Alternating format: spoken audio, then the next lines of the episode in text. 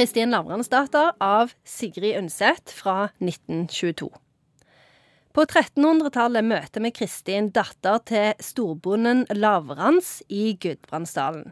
Hun blir lova bort til Simon Darre, men på klosterskole møter hun Erlend. De gifter seg, men Erlend er ikke så god til å stille opp, og Kristin har ansvar for både gård og barn. Hun sier til slutt ifra. Erlend blir sur, drar til fjells. De forsones, og han dør. Kristin går i kloster og dør av svartedauden. Her snakker vi mange, mange mange sider litteratur. Ja, for dette er tre bøker, egentlig. Det er Kransen fra 1920, Husfrue fra 1921, og så er det Korset fra 1922. Så det er hele livet til Kristin Lavransdatter.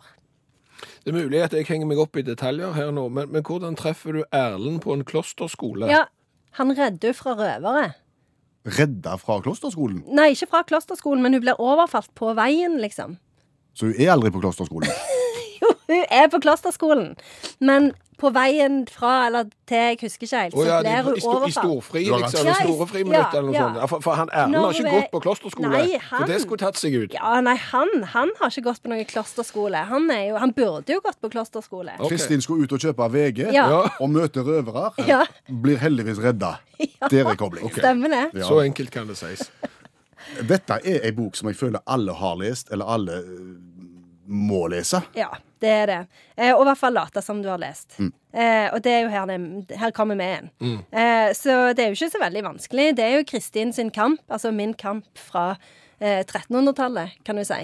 Eh, og um, Sigrid Undset var jo veldig opptatt av å få detaljene riktig, da, så hun gikk jo veldig sånn inn og studerte middelalderen. Men så hadde hun jo en sånn en eh, følelse av at de som levde i middelalderen, var kanskje ikke så veldig annerledes enn oss. Så det er på en måte et møte med mennesker som ligner oss sjøl, til tross for stor distanse i tid og rom.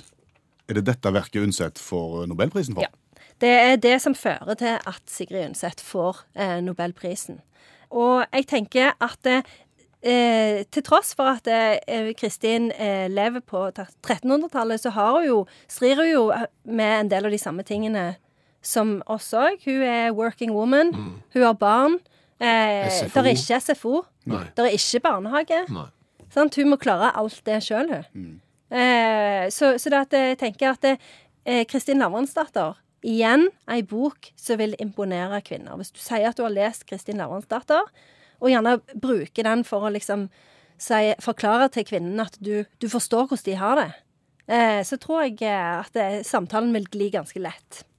Har du et sitat? Jeg har et sitat. Gode dager kan vare hvis en steller omtenksomt og forsiktig med og sitt.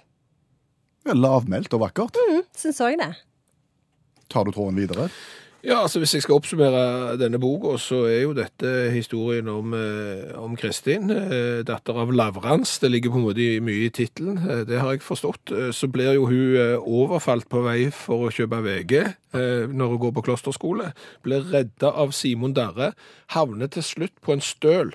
om å velge om hun skal ha pest eller kolera, og så valgte hun pest, og det viste seg til slutt å være feil. Men hun blir ikke redda av Simon Darre. Nei, For det er- nei, nei. Hvis du sier det, så kommer hele korthuset til å falle Ja. sammen. Sorry, dette, dette er jo et finvevd nettverk. Nå må du ta deg Ja, sammen, ok. Jan Olav. Ja, dette er som en tryllekunst. Altså, hvis du ikke klarer å opprettholde illusjonen, så har du bomma. Hun blir selvfølgelig redda av Erlend, og så må hun velge mellom pest og kolera, og velger da feil. Da har man. Tusen takk, Janne Stigen Drangsholt, forfatter, litteraturviter, klassekontakt på andre trinn og tidligere hjelpetrener i friidrett.